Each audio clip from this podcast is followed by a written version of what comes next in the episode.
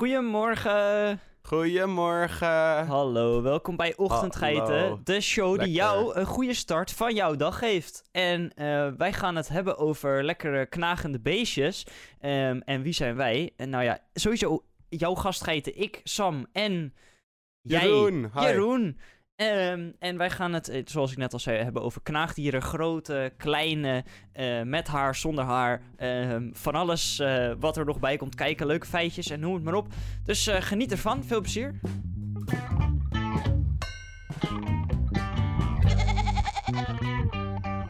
Knaagdieren, man. Knaagdieren Lekker, zijn man. gezellig. Nou ja. Dan gaan we de...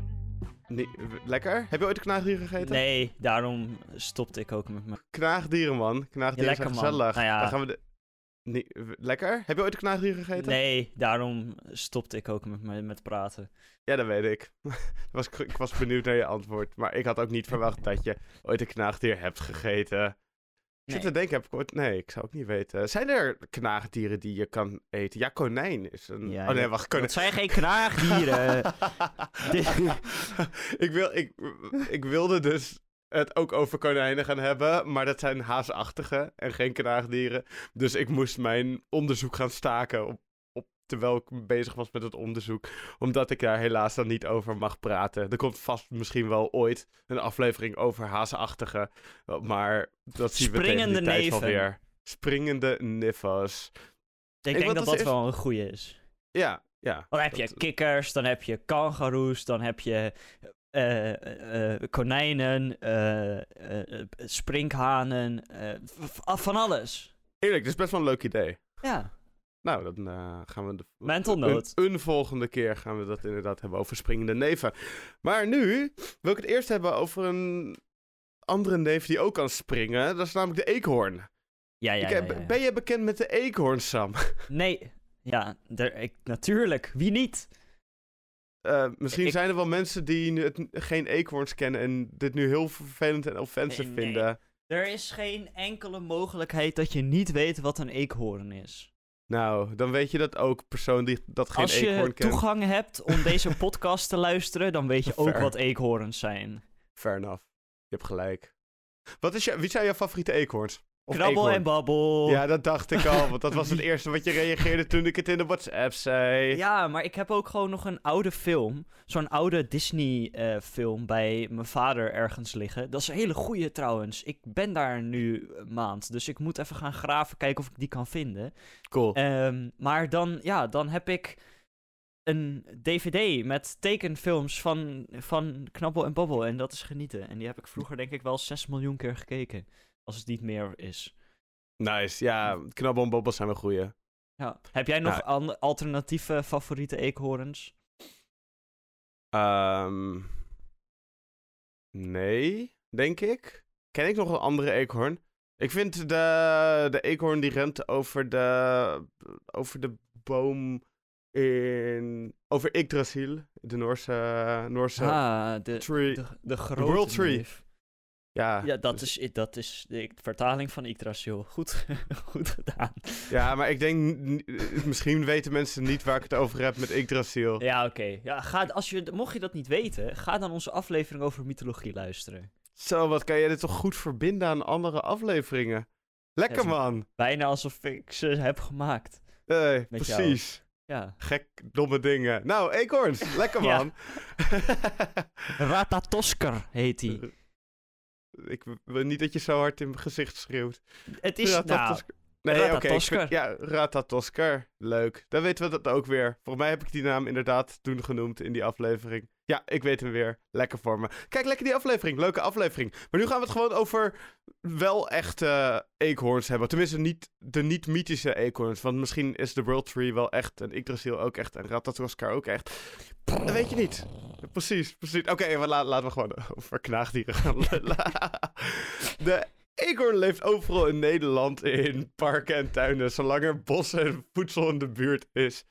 Het liefst woont zo'n eekhoorn lekker bij zo'n oud bos, want daarin kan hij gewoon meer gevarieerd voedsel vinden. En kan hij een nesten bouwen. Want ja, dat doen ze. Ze bouwen nesten. Ze bouwen op minstens 5 meter hoogte dicht tegen de stam een nest aan. En deze is ongeveer de grootte van een eh, voetbal. De nesten in loofbomen kun je 's winters spotten, want dan zijn de bomen kaal. En het vette aan de nesten is dat hij niet alleen maar één nest heeft, maar hij heeft meerdere nesten en zeg maar één soort van hoofdnest. En de andere nesten zijn een soort van reserve-nesten. Dus deze nesten gebruikt, eh die andere nesten gebruikt hij om te rusten. En soms ook om, eh, om in te slapen of als, vlucht, eh, als vluchtnest. Maar meestal blijft hij wel gewoon hangen bij één nest. Het is ook wel chill om meerdere nesten hebben, eh, te hebben wanneer je nest last heeft van vlooien. Want Oei. ja, dat kan wel eens gebeuren. En dan kan je tenminste lekker makkelijk naar een van de andere nesten die je hebt gebouwd. Vind ik wel leuk dat, die, dat ze daar dus wel echt over nadenken, die eekhoorns. Ja. De eekhoorns eh, eet voor- eh, eten vooral noten. Eh, dus dan kastanjes, hazelnoten, beukennoten. En aan het eind van, de, van het seizoen ook eikel.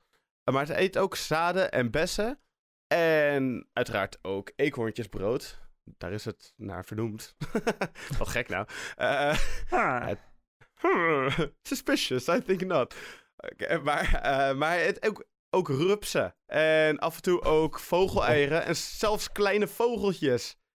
Een eekhoorn is dus ook een carnivoor. Eh, nou, eigenlijk een omnivoor, want het is dus beide. Damn. Eh, ja, gek hè? Eh, Vooral in de herfst heeft hij echt een dagtaak aan eten zoeken. En dan wil je ook, wanneer je dan niet overal besjes en dat soort dingen kan vinden, dan ja, vindt het een jong vogeltje eten ook soms prima. Eh Eekhoorns doen trouwens ook niet aan de winterslaap. Eh, in de herfst verstopt de eekhoorns voedsel om door de winter door te komen. Eh, zijn lekkers verstopt hij onder de grond of ja, in boomho- boomholtes en in de boomoksels. Ik vind dat een heel mooi woord voor de stukjes onder de stammen. Dat is alles een hele terug- goeie. het ding, ja, precies. Het ding is wel, eh, het geheugen van een eekhoorn is niet zo heel erg goed. Dus eh, terugvinden is vaak wel een probleem. Eh Naturalis zegt dan ook dat voor de rode eekhoorn geldt het dat ongeveer 6 van de 10 verstopte nootjes teruggevonden worden. Dus 60% van alle nootjes die verstopt worden, worden teruggevonden. En 40% ja, verdwijnen gewoon. Die zijn er gewoon. Die, die, worden daarna één van de natuur. Één met de natuur. Oké. Lekker man. Ah. Eh, oh, wat ook wel leuk is, is eh, nieuwe bevindingen van een Amerikaans onderzoek eh, concludeert dat eekhoorns het gezang van vogels interprete- interpreteren om te overleven. De onderzoekers speelden in twee verschillende leefomgevingen van de eekhoorns vogelgeluiden af. Vervolgens analyseerden ze het gedrag van de beestjes. Ze bleken meer op hun hoede, eh, op hun en keken vaker en schichtiger op. Vervolgens haalden ze dat, eh, herhaalden ze dat experiment. Dit eh, lieten ze in beide omgevingen het gechirp van het vogelgezang horen. En ja, dat stelde de knaagdieren blijkbaar gerust. Want ja, ze, ze gingen een stuk rustiger aan doen. En hieruit concludeerden de wetenschappers dat vogelgezang voor de eekhoorn een indicator is van veiligheid. Oh, oh. Ja, gekke Ah. shit. Het is een soort van, je weet als er vogels dan in de buurt zijn, dan is het niet dat er ineens een tijger op de loer ligt. Misschien is het daardoor. Ja. Want geen andere grote beesten, want vogels zijn nog aan het chillen. Ehm, ik wil het ook nog heel even hebben over een, eh, een bepaalde eekhoornsoort, namelijk de Borneo-eekhoorn. Het is namelijk een bizarre eekhoorn dat op eh, het Indonesische eiland Borneo leeft. Het dier heeft een best wel dikke staart en lange pluimen aan de oren. Daaraan herken je het dus. Maar dat is niet hetgene wat, diegene, eh, wat deze eekhoornsoort zo bijzonder maakt. Want volgens bewoners van de bossen waar het dier leeft, vallen deze eekhoorns soms kippen en zelfs herten aan. Bijten ze hun slagaders door en Wat? doen zich dan tegoed aan, het eh, aan hun bloed en ingewanden. Wat? Ja, dus eh, ze, ja, wat, wat ik al zei, ze zijn kan, eh, carnivoren. Dus het zou best wel kunnen dat dit zo is. Wetenschappers sluiten het ook zeker niet uit. Maar wetenschappers zijn wel sceptisch, want ze hebben het tot nu toe. Hebben ze di- dit gedrag zelf, die wetenschappers, nog niet gezien bij, eh, bij deze eekhoorns. Maar het wordt voor, eh, niet voor niets wordt het ook de vampier-eekhoorn genoemd. Ja, dat, dat, dat verbaast me niks. Wat? Maar ook vooral door de lange oren. Het ziet er ook een beetje uit als een duivel. Jeetje. Ja, gekke shit. Maar die, ehm, eh, er zijn ook, waardoor ze die, waardoor ze die shit, die shit, die eekhoorns, niet die shit, waardoor ze die eekhoorns zo weinig hebben gevonden, is, er zijn er volgens mij heel erg weinig van. En dat is al helemaal weinig onbekend, omdat de enige twee beeldopname dingen waren in 2015 genomen. En eentje was op een eh 15 seconden zwart-wit beeld. En dat ging toen de tijd ook de hele wereld over. En verder is nog een ander beeld uit 2015 in kleur, waar je ook de eekhoorn in actie ziet op een boom. Maar verder is er ook geen beeld, beeldmateriaal van, ja, van die eekhoorns echt te vinden. Dus het is een hele zeldzame, maar blijkbaar volgens de eh, bewoners van de bossen valt hij dus de kippen en de herten aan.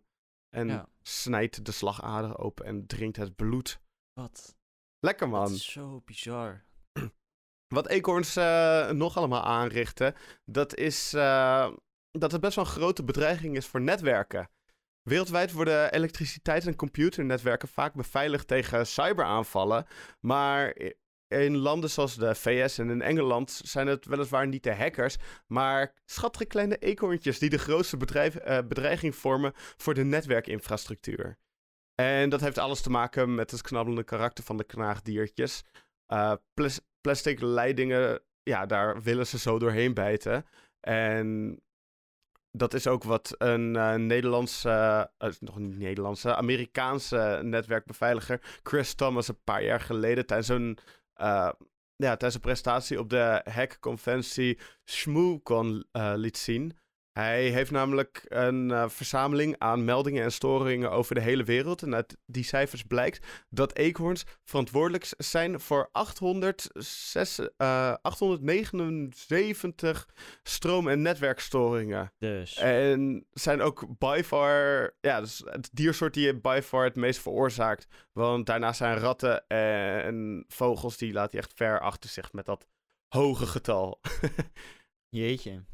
Het zijn gewoon Ja. kleine terroristen eigenlijk. Ja, precies, precies. Allemaal dieren doodmaken en zorgen dat, dat wij geen internet hebben en zo. Een cyberaanval op ons doen.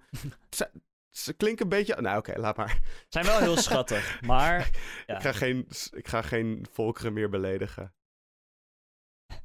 weet je het Zou, zou, ik zeker? het, zou, zou ik het zeggen? Wat ik wilde zeggen? Ja, I mean, je kan het, je kan het nu niet Nee, dat is waar. laten. Dat is wie, waar. Eh, ik wou een opmerking maken over bloed, bloed drinken en, eh, en cyberaanvallen. Het lijken de Russen wel. Maar ja, ja, ja, ja, precies. Daarom. Goed. Ja. Het spijt me. Ah, heb, ben je wel eens in, eh, in, in Londen geweest? Ik ben eh, wel in Londen geweest, ja. Eén keer, één dag. heb jij ook wel eens in een van de parken gezeten? Nee, niet echt, nee. Ah, als je in zo'n park bent, dan lopen er Mhm. van die zwarte scharminkels rond. Ehm, en die zijn toch... Die, dat is echt net... Dat is net een Amsterdamse duif. Die hebben zoveel... Zo zichzelf zo volgefroten... dat ze amper nog op een boom kunnen klimmen... en gewoon alleen maar een beetje rondlopen en eten, jatten... en gewoon gevoerd worden door, door toeristen en... Man, man, waar? man, het is echt een drama, maar het- het- ja, het is Ja, wel, want- ja, het is wel sneu ook voor die beesten eigenlijk. Maar toch, ja, het is een beetje net als meeuwen, weet je. Soms zijn ze gewoon vervelend. Ja, nou, eh, duiven. eh, Ja, een beetje net als meeuwen, net als duiven. Ja, deze zijn wel wat brutaler inderdaad dan Ja. duiven, die eekhoorns. Ja, Dan die lopen gewoon... wel. Jij zit daar gewoon lekker met een picknickkleedje een beetje cool te doen. En dan komt er zo'n zo'n guy, die komt gewoon een beetje op je aflopen... alsof hij de wereld aan kan en die neemt gewoon je broodje mee. Ik bedoel... Ja, dat is... Dat, Dat is gewoon vervelend. Dat is gewoon echt uitermate vervelend. Maar ja, Weet jij nog, toen, dus even eh, een afslag die ik neem met mijn brein, maar weet jij nog toen wij allebei op, eh, eh, ja, allebei lekker samen naar de studie gingen? ja, Je had, bij dat gebouw had je een meeuw. ja. En Die mijn halve broodje opat.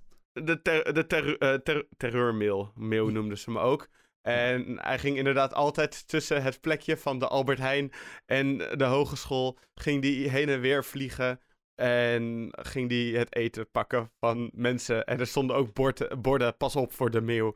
Ik was daar gewoon een keertje aan het lopen. Ik denk dat, in, dat we net een, een maand of zo, of twee maanden daar op die studie zaten. En ik Ja. liep daar gewoon met mijn broodje ham, rustig te lopen. En de, in één keer wordt er gewoon in mijn hand gebeten. En mijn halve broodje is gone. En dat beest heeft gewoon oprecht gewoon in mijn vingers zitten bijten. Gewoon van, "Ja, fuck jou, What dit is fuck? mijn broodje. What the fuck. Dit was, e- was echt Ja. insane. Dat was Ja, maar wel- hij- ja. Hij, hij, vond het, hij, vond, hij was voor niks en niemand bang. En wilde gewoon al, altijd alle broodjes. Ja, nou ja, dat- zo Hij zijn de eekhoorns in, in Londen dus ook. Ehm Klote beest. Know. Lekker man. Jij gaat het hebben over een... eh, over een, een... een ander knaagdier. dier. Ja. Lekker man. En deze die, eh, zijn wel eh, redelijk bekend. Het zijn, het zijn bevers. En bevers die zijn nou ja, wat groter dan de gemiddelde knaagdieren. Maar ze- ja, ze zijn ook semi-aquatische diertjes. Dus ze leven half in het water. Ehm, ze komen van het geslacht Castor, die inheems zijn op het eh, gematigde noordelijk halfrond. Eh, dus dat is, weet je dat ook weer. Ze komen niet in het zuidelijk halfrond voor. Ehm, er bestaan twee soorten: de Noord-Amerikaanse bever en de Eurasiatische bever. Eh, bevers zijn na de capybara's de grootste levende knaagdieren. En ze hebben een stevig lichaam met een grote kop, lange bijtelachtige snijtandjes, bruine of grijze vacht, handvormige voorpootjes, geweven achtervoetjes en een platte geschubde staart. Nou, dat klinkt allemaal wel bekend. Ehm, de twee soorten verschillen in de vorm van de schedel en de staart en in de kleur van de vacht. Bevers komen voor in een aantal zoetwaterhabitats zoals rivieren, beken, meren en vijvers. Het zijn planteneters die boomschors, waterplanten en verschillende grassen eten. Ja, Lekker. maar dan het belangrijkste deel. Ehm, het zijn grote ehm, architecten eigenlijk. Ehm, ze bouwen dammen en burchten met behulp van boomtakken, vegetatie, stenen en modder. Ze kouwen bomen om voor bouwmateriaal. Ehm, dammen houden water vast en, en de, ja, de grote ja, stenen en alles die ze daar neerleggen, die dienen als, eh, als schuilplaats. Ze maken echt een soort woning voor zichzelf. Hun infrastructuur creëert wetlands die eh, door veel andere soorten worden gebruikt. Ehm, en vanwege hun effect op andere organismen in het ecosysteem worden ze beschouwd als een essentiële diersoort. Volwassen Nice. mannetjes en vrouwtjes leven in een monogame paren met hun jongen. Als ze oud genoeg zijn, helpen de jongen hun ouders bij het repareren van dammen en burchten en kunnen ze ook helpen bij de opvoeding van pasgeboren jongen. Bevers houden territoria en markeren die met geurheuvels van modder, puin en castor, castor, Jezus, castoreum, een vloeibare Lekker. substanties die door de beverballen van de bever worden uitgescheiden. Nou, Be- weten we dat ook weer? Door de... Wacht, wordt dit door de beverballen uitgescheiden? Ja, Dus eh, de ballen van de bever. de beverballen. Oh, het is echt de ballen van de bever. Oké, Ehm. sorry, ik, wa- ik was een beetje verbaasd. Ga verder. Ja, je moet op een manier je territorium markeren.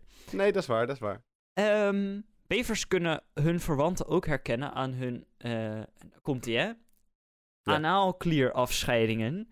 En we Oh, kunnen hen eerder als buren tolereren. Oh nee, Ja. ook, eh, ook nog uit het kontje. Ja. Niet alleen uit de balletjes. Nee, ja, Lekker zo hoor. herkennen ze elkaar. Ehm, net een beetje als, eh, als honden eigenlijk, wat dat betreft. Ehm, historisch gezien werden bevers bejaagd voor hun pels, vlees en castoreum.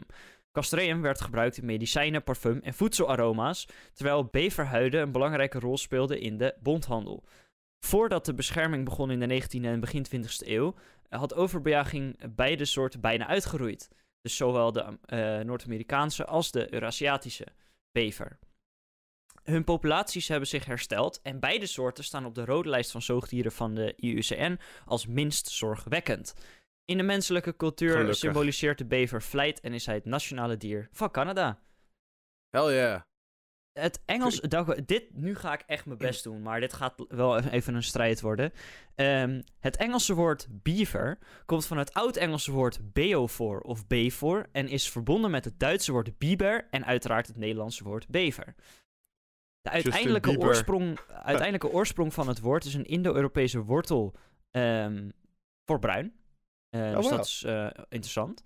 Eh, de geslachtsnaam castor vindt zijn oorsprong in het Griekse castor, dan maar dan met een k in plaats van een c, en wordt vertaald als bever. De naam bever is de bron voor verschillende plaatsnamen in Europa, waaronder Beverly, Bièvre, Bieberbach, Biebrich, Bibra, Bibern. Bieberka, Bobber, Daar komt. Ehm Buurbakker, Buurfors, Bober, eh, een andere Bober dan die van net, eh Bober K en Björlund. Nee. Nee, je mist er eentje. Ja, deze... Beverwijk, bro. Nee, Beverwijk heeft niet de naam vanwege de bevers, helaas. Ah, oh, echt vanwege. Oké. die- Dat zou je wel denken, maar dat is niet zo. Wa- waar komt de naam Beverwijk dan vandaan? ga het nu opzoeken. ik ben best Kijk, wel benieuwd Beverwijk eigenlijk. staat bekend om aardbeienhandel. Dus niemand begrijpt ook eigenlijk waarom het Beverwijk heet. Maar goed. Ja, waarom niet Aardbeiwijk? Ja, ik ben... Ja, ja, mensen die hier vandaan komen heten eh Aardbeien. aardbei. Ja. Lekker. Ehm, ja, nou, komt ie hè? De Nou. naam Beverwijk heeft niets met knaagdieren te maken. Punt. Er zijn twee Nee. lezingen Oh. over de verklaring van de naamgeving. De eerste lezing is dat de naam Beverwijk een verbastering is van Bedevaartswijk. De stad was een plek voor pelgrimage te ere van Agatha. De, de, de kerk hier heet ook de Agatha-kerk, by, Mm. by the way. De tweede lezing is dat de naam Beverwijk zijn oorsprong vindt in de naam Beverhem. Bever is een naam van, het Germaanse, van een Germaanse man. En de toevoeging hem betekent zowel, eh, zo, eh, zoveel als woning of nederzetting van. Nou, weten we dat ook weer. Lekker man. Je de Amstelveen plaatsnaam- vandaan de, komt? De Oh. plaatsnaam Beverhem wordt genoemd in de goederenlijst die hoort bij het eh, cartularium van de Utrechtse bisschop Radboud. Nou, Lekker. Lekker. Amstelveen ligt, eh, ligt in de buurt van de Amstel. En er was vroeger heel veel veen dat opge eh, en turf wat opgegraven werd. Dat is Amstelveen. oké. Best Ja. wel duidelijk. Ik heb ooit een, een spreekbeurt over Amstelveen gedaan. Dus ik weet alles over Amstelveen. Oké, niet alles. Nice. Maar- Hell yeah. Oké, Kijk, bevers. We hebben het nu natuurlijk over eh, eh, knaagdieren. En knaagdieren die, eh, ja, die heten zo omdat ze een bepaald eetpatroon hebben. Ja, ze herkauwen. Ehm, Nee, nee ze maar- knagen. Ja, wij zijn geen herkauwers, tenminste de meeste mensen. Maar we moeten wel eten. En ehm, ja, dat is toch wel belangrijk. En het belangrijkste maaltje van de dag is het toch wel echt het ontbijt. Zo, ik word er helemaal zo enthousiast van dat mijn stem overslaat. Het is het Ehm, ontbijt! En ehm, ja, ik, eh, ik ben benieuwd wat jij hebt eh, in petto hebt voor, eh, voor ons. ik ook. Oké, Oké. Eh, nee, ik heb, ik heb een lekker ontbijtje. wat in verschillende vormen, verschillende variabelen. Al, ja, het kan volledig anders gemaakt worden. Maar ik gooi hem even op als de boerenomelet met champignons, spek en oude kaas. classic. Lekker man. Boerenomeletten zijn heerlijk. Ehm, dit is een recept voor vier personen. Wat je nodig hebt hiervoor zijn vier theelepels verstegen classic blend voor omelet. Eh, acht eieren. Twee eetlepels boter. 400 gram gerookte spekblokjes. één ui. één bosje platte peterselie. Eh, 200 gram eh, champignons en 150 gram geraspte oude kaas. Daarnaast heb je gewoon nog ambachtelijk brood om het erop te doen. En eh, een beetje tuinkers is ook wel lekker. En eh, wat je erbij doet is pel en eh, snipper de ui. Snijd de peterselie grof en leg de helft opzij voor de garnering. Snijd de champignons in plakjes. Klop en klop het ei los, of de eieren los in de kom. Eh, verhit de boter in de pan en bak de spekjes totdat ze knapperig zijn. Schep ze uit de pan en laat ze uitlekken op een stuk keukenpapier. Eh, bak daarna in, de in het overgebleven vet de ui en de champignonnetjes. Voeg zodra de ui doorzichtig is en de champignonnetjes goudbruin zijn de peterselie en de spekjes toe. Eh, voeg het verstegen classic blend voor omelet en de gekluste eieren toe. Eh, roer alles door elkaar en laat op een laag vuurtje gaar worden. Strooi de geraspte kaas overheen. eh, en vouw het daarna lekker dubbel. En serveer het omelet met ge- eh, gegrilde oerboter en garneer het lekker. Boter, ik bedoel oerbrood en garneer met de overgebleven, overgebleven peterselie.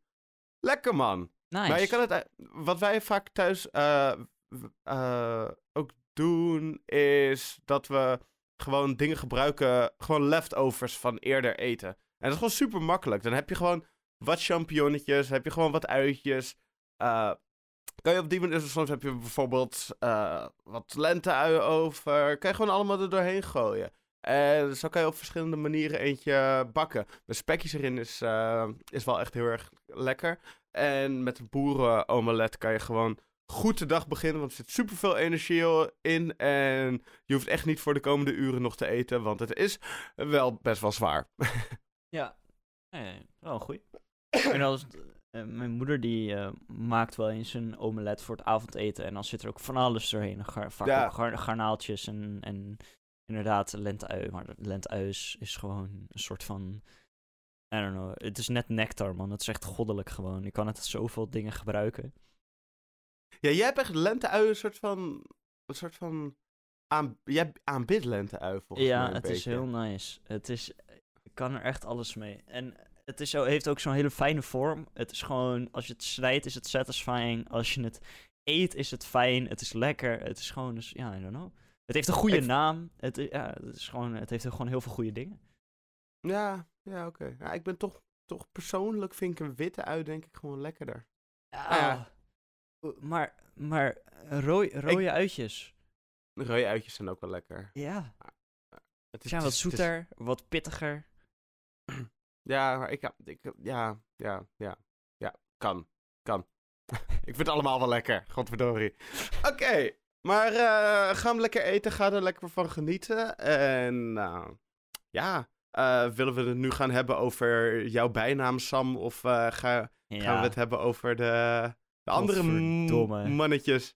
Ik, ga, ik, eh, ik, eh, ik, ik start hem wel in, want ik had het namelijk net over het eh één na grootste knaagdier. Ehm, en dit is het grootste knaagdier, wat ik net ook heb genoemd, uiteraard de capybara. Eh capybara is heel erg in, eh, in het nieuws, als je eh, memes het nieuws kan noemen. Ehm, eh, in de afgelopen jaar zo'n beetje eh, is dat echt, nou ik denk half jaar, is dat echt geëxplodeerd. En in één keer weet iedereen wat een capybara is.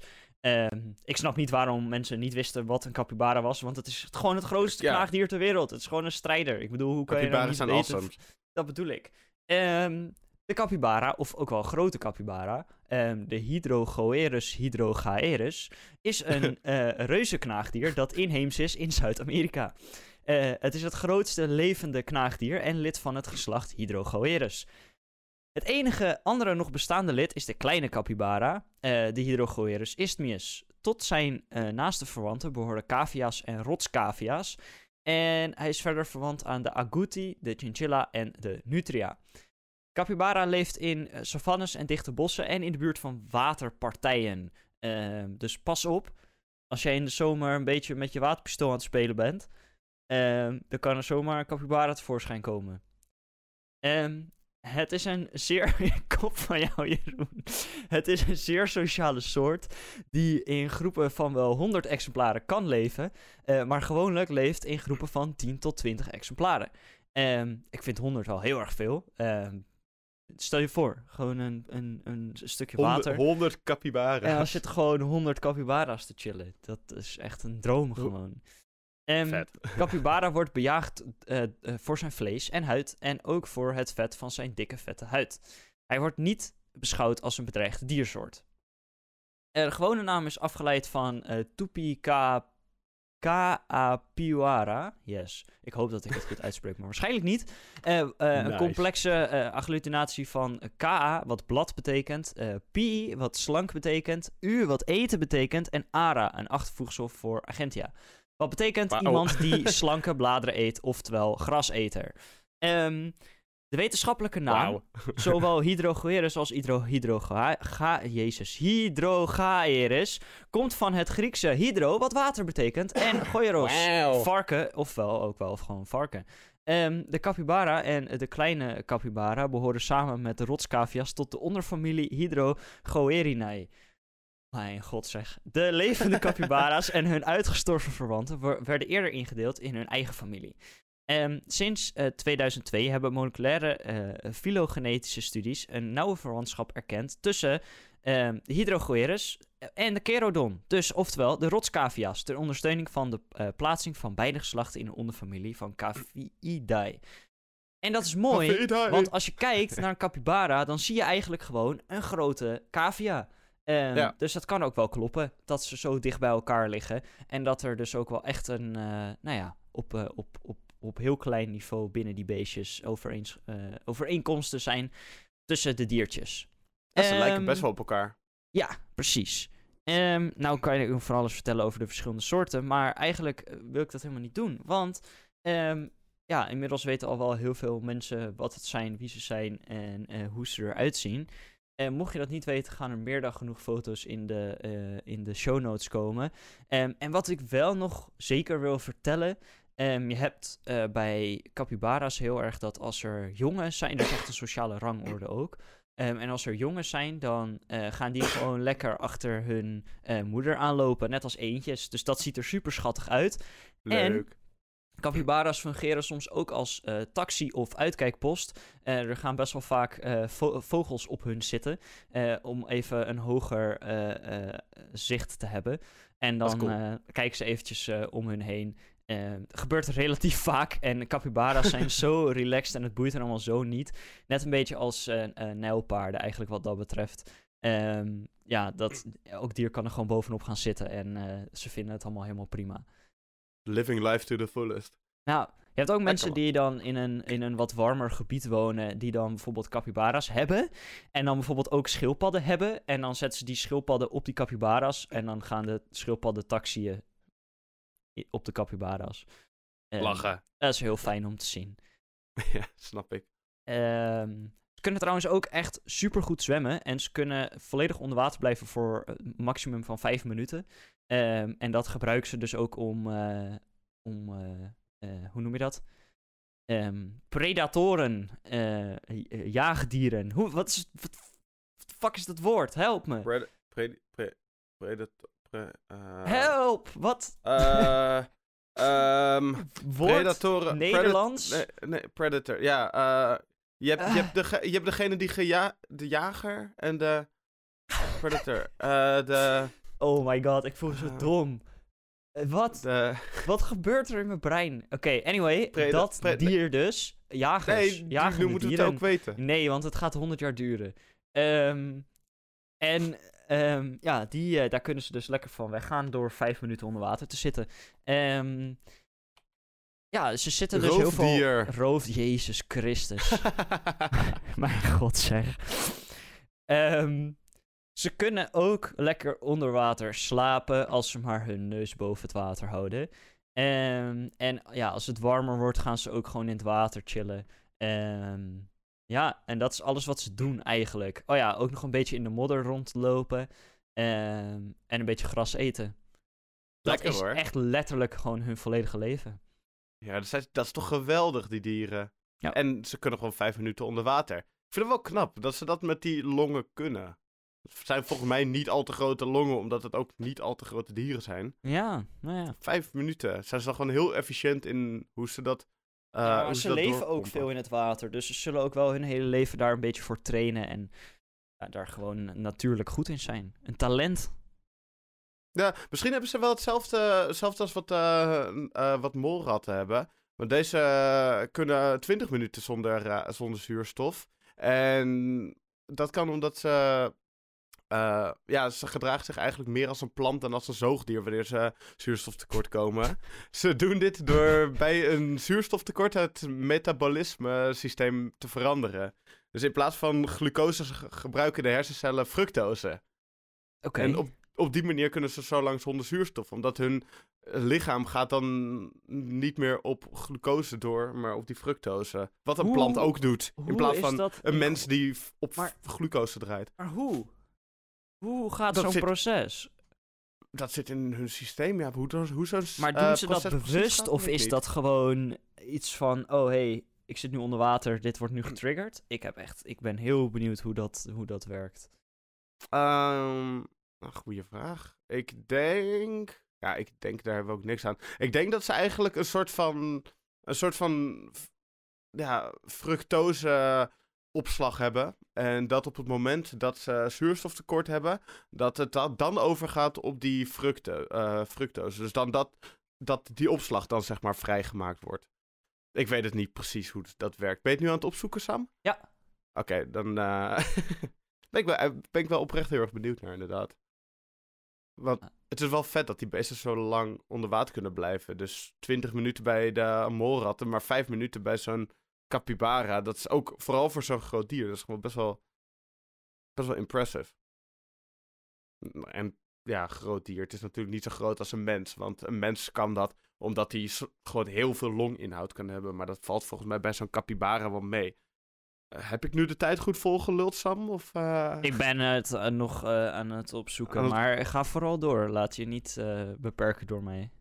Bij, waar had je het ook alweer over? Oh, ja, ik had het over cap capybara's, maar ik had alles verteld. Dus ga Oh, je bent, eh, je bent lekker, klaar met die lekkere capybara's. Ja, ik vond het wel een mooi bruggetje, dus ik eh, geef het stokje aan jou. Dan eh Uh, kan Dank je gewoon lekker over naakte molrat praten. Ja, want eh, naast dat het Samson... eh, Oké, zijn naam... Oké, is... Sorry. Ik, ik hou hiermee op. Het is, bij- het is mijn bijnaam vroeger op de basisschool. ik own dit. Het was mijn bijnaam vroeger. Jullie mogen me allemaal naakte molrat noemen. De, eh, ja, de naakte molrat is zoals het altijd 20, eh 20 minuten onder water kan blijven. Best wel een bijzonder diertje. En dat komt niet alleen maar door het vreemde uiterlijk.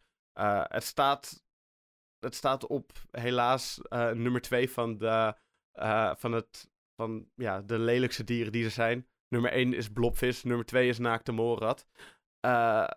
Ja, dus de lelijkheid is niet het enige wat het diertje zo bijzonder eh, maakt. Maar er zijn veel meer dingen waardoor het zo bijzonder is. En dat ook best wel populair is bij wetenschappers. Eh, laten we allereerst even beginnen met een naam. De naakte molrat is geen mol en ook geen rat. Ze zijn verwant van de stekelvark, eh, van stekelvarkens en cavia's. Het naakt in de naam klopt wel, want ze hebben eigenlijk maar een... ze hebben eigenlijk echt maar een paar haren en een paar voelsprieten... die ze gebruiken om te navigeren door de donkere holtes eh, van de ondergrondse tunnels die ze zelf maken. Eh, de naakte is een warmbloedig dier. Eh, het vertoont alle eigenschappen, maar het vertoont alle eigenschappen van een koudbloedig dier. Dus dat is wel vreemd. Het is het enige, zo- enige zoogdier wiens lichaamstemperatuur zich aanpast aan de externe temperatuur. En dat is normaal alleen maar bij koudbloedige, koudbloedige dieren. Het is het enige warmbloedige dier die dat dus heeft. Dus dat is wel vet. Sam, heb je het gevonden? Ja, zeker, maar ik heb niet helemaal een antwoord. ehm, maar ja, een kleine aanvulling. Ehm, het is, ja, ik heb niet echt kunnen vinden waarom en hoe dit systeem eh, werkt. Maar ehm, ik heb wel nog wat eh, andere informatie erbij. Want ze kunnen dus voor, nou ja, minstens vijf uur overleven in ehm 5% zuurstof bestaande lucht. Zo. Ehm, ehm, en ja, ze hebben totaal geen, eh, geen eh, nou ja, ze laten niks zien van, oh nee, eh, stress of zo. Het maakt helemaal niet uit, ze gaan gewoon lekker rustig normaal door. Bizar.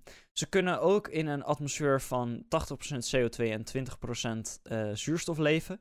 Ehm, en in nul, waar dus echt geen zuurstof is, kunnen ze dus, dat is dus onder andere onder water, kunnen ze 18 minuten eh, zonder dat er iets gebeurt, ehm, eh, gewoon lekker blijven leven. En ehm, ja, ze raken daar dan dus bewusteloos, eh, zodat ze, nou ja, niet bewegen. Hun hartslag gaat van 200 naar 50 eh, per minuut. En ze stoppen eigenlijk bijna volledig met ademen. Ehm, en ja, dan eh, komt inderdaad dat eh fructose systeem. Ehm, daar heb ik dus niet echt iets over kunnen vinden waarom dat zo is. Maar het is dus een combinatie van verschillende dingen waardoor ze bijna 20 minuten eh, onder water kunnen, kunnen leven. Dat is echt bizar. En vijf uur wanneer er dus eh 5% zuurstof in het water Ja. zit. Ja, ja bizar, man. in de lucht, niet in het water. In de lucht, 5%. Ja, oké, oké. Ja, je hebt gelijk. Nice. Weet je wat ook nog vet is aan de, aan dat mooie beestje, aan een Nou. naakte molrat.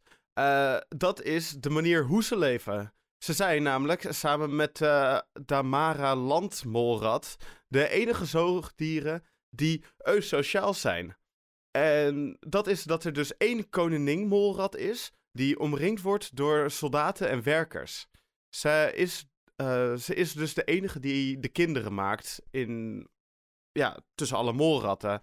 Eh, dit is een sociale, eh, het is een sociale samenlevingsvorm die we vooral kennen van insecten als mieren en wespen. Maar deze naakte molrat heeft het dus ook. De koningin zorgt ervoor dat haar nakomelingen onvruchtbaar worden. Dit eh, komt enerzijds door haar dominante gedrag. En ook doordat ja, ze een stof uitscheidt in haar urine. Die doordringt in de dunne huid van haar onderdanen. En daarmee kan zij dus die, die dieren steriel maken of onvruchtbaar maken. Gekke dingen. Oh, eh. Ja, zij ze paart maar met een selectief groepje mannen naar eigen keuze. Om zo de kolonie zo gezond mogelijk te houden. Het krijgen van een jongen is een proces eh, dat steeds doorgaat. Na een bevalling zit de taak van de koningin erop. En zor- verzorgen de andere molratten, de jongen.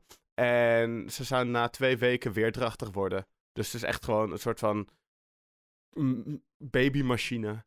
Uh, Hmm. gemiddeld krijgt de koningin in haar leven ook 900 jongen. Tje, de tering. Maar ik had het niet verwacht dat dat bij die dieren zo'n ding was. Dat, eh, dat ze dus ook een soort van naakte molratkoningin hebben. Die, ervoor, eh, die voor de nakomeling moet zorgen. Dat vind ik wel bizar. Eh, die soldaten die verdedigen ook eh, de groep tegen roofdieren, met name slangen. En tegen andere naakte molratten van andere groepen. De groepen onderscheiden zich dan met een eigen geur. En uh, de werkers die leven celi celibatair. En dit houdt in dat ze bewust kiezen voor een leven zonder seks. Ja, zij liever dan ik. Uh, dit, is volgens, dit is volgens mij gewoon alleen om die sociale structuur op een goede manier te behouden. En ja, de meeste capybara's die zijn het grootste deel van hun leven aan het graven. Gewoon graven, graven en graven. Uh, de koningin wordt trouwens niet geboren als koningin, uh, koningin, maar ja, het is gewoon een vrouwtje dat zich een weg naar de top gaat vechten. Dus dat is ook wel grappig. Uh, het is ook letterlijk vechten. de koningin wordt bevrucht door een eh, selectief ja, groepje dekmannetjes. En wat er dus ook voor zorgt dat alle ratten binnen een kolonie allemaal ha halfbroertjes en zusjes van elkaar zijn. Oké. Okay. Dat is heel gezellig. Ja. uh, wat ik ook wel vet vind, is met capybaren die leven met veel. Uh, veel capybaras bij elkaar. Maar een kolonie van de naakte molratten, die bestaan tot wel, tot, tot wel 300 individuen. Dus dat zijn flink wat naakte molratjes bij elkaar. Hun ondergrondse zelfgegraafde, ge, zelfgegraven tunnelsysteem, die kan ook zo groot zijn als zes voetbalvelden. Dat is echt niet normaal. Ja, daarom zijn al die molratten ook de hele dag gewoon aan het graven. Gewoon om hun tunnelsysteem uit te breiden. En dan krijg je op een gegeven moment zes voetbalvelden groot. Dat is echt, echt super. Maar dat al helemaal voor beestjes die ongeveer 20 centimeter lang zijn. Ze leven trouwens alleen in de Hoorn van Afrika, Somalië, Ethiopië en Kenia. Dat is echt bizar. Wat ook vet is aan die beesten, is... Ze hebben twee van die grote snijtanden aan de voorkant. En een uh, molrat, die kan die twee dus los van elkaar bewegen. What? Dus dat kan, ja, dat kan een soort van samenwerken als een paar Chinese eetstokjes. Dat je zo What? op die manier dingetjes aan de kant kan leggen en zo.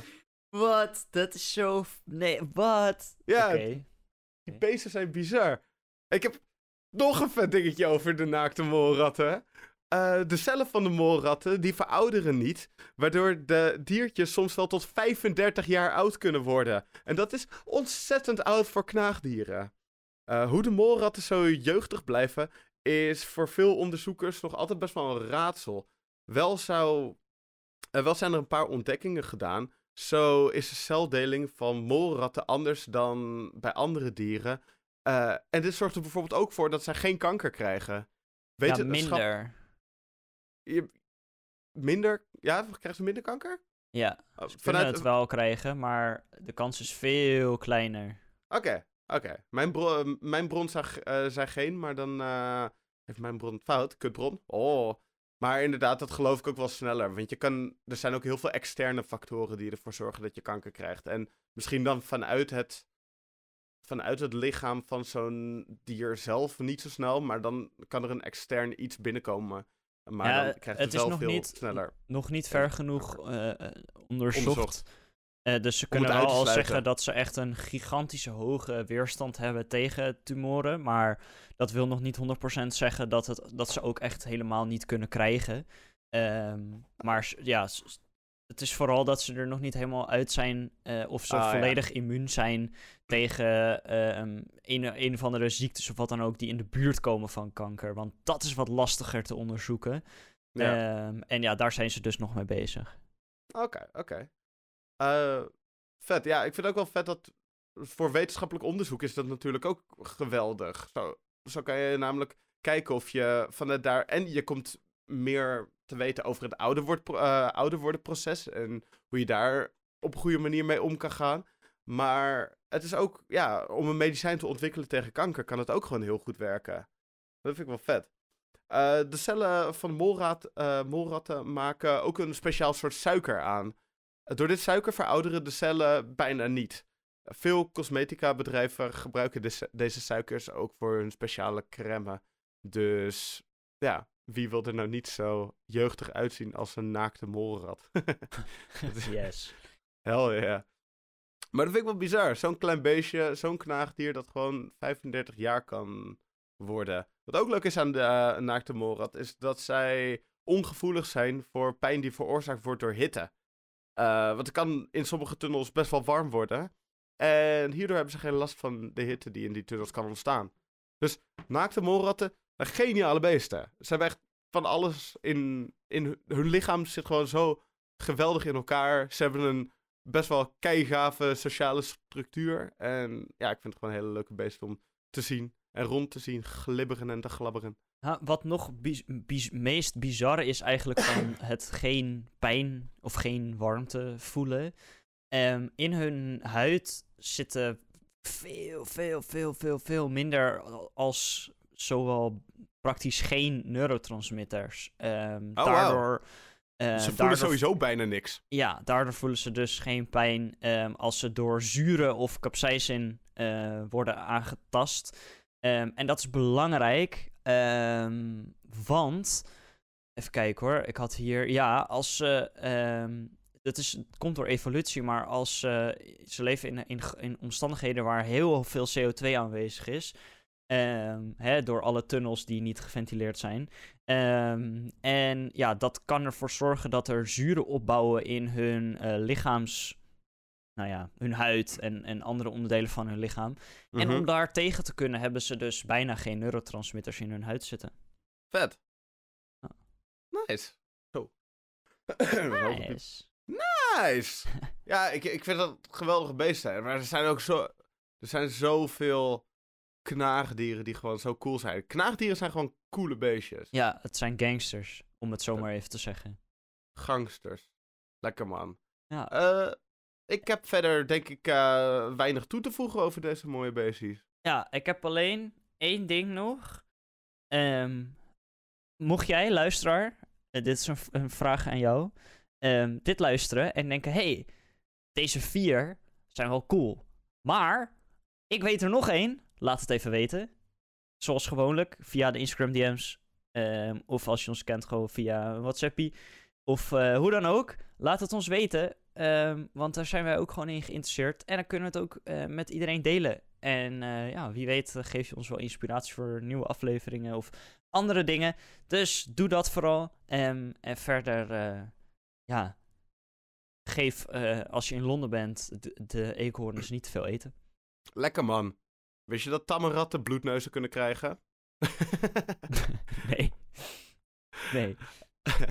Het is. eh, Oké, heel snel. Eh, de kleur van de oog- en neusvocht van de knagers bevat een stof die rood is. Dus het lijkt net of ze een bloedneus hebben. Hele fijne dag.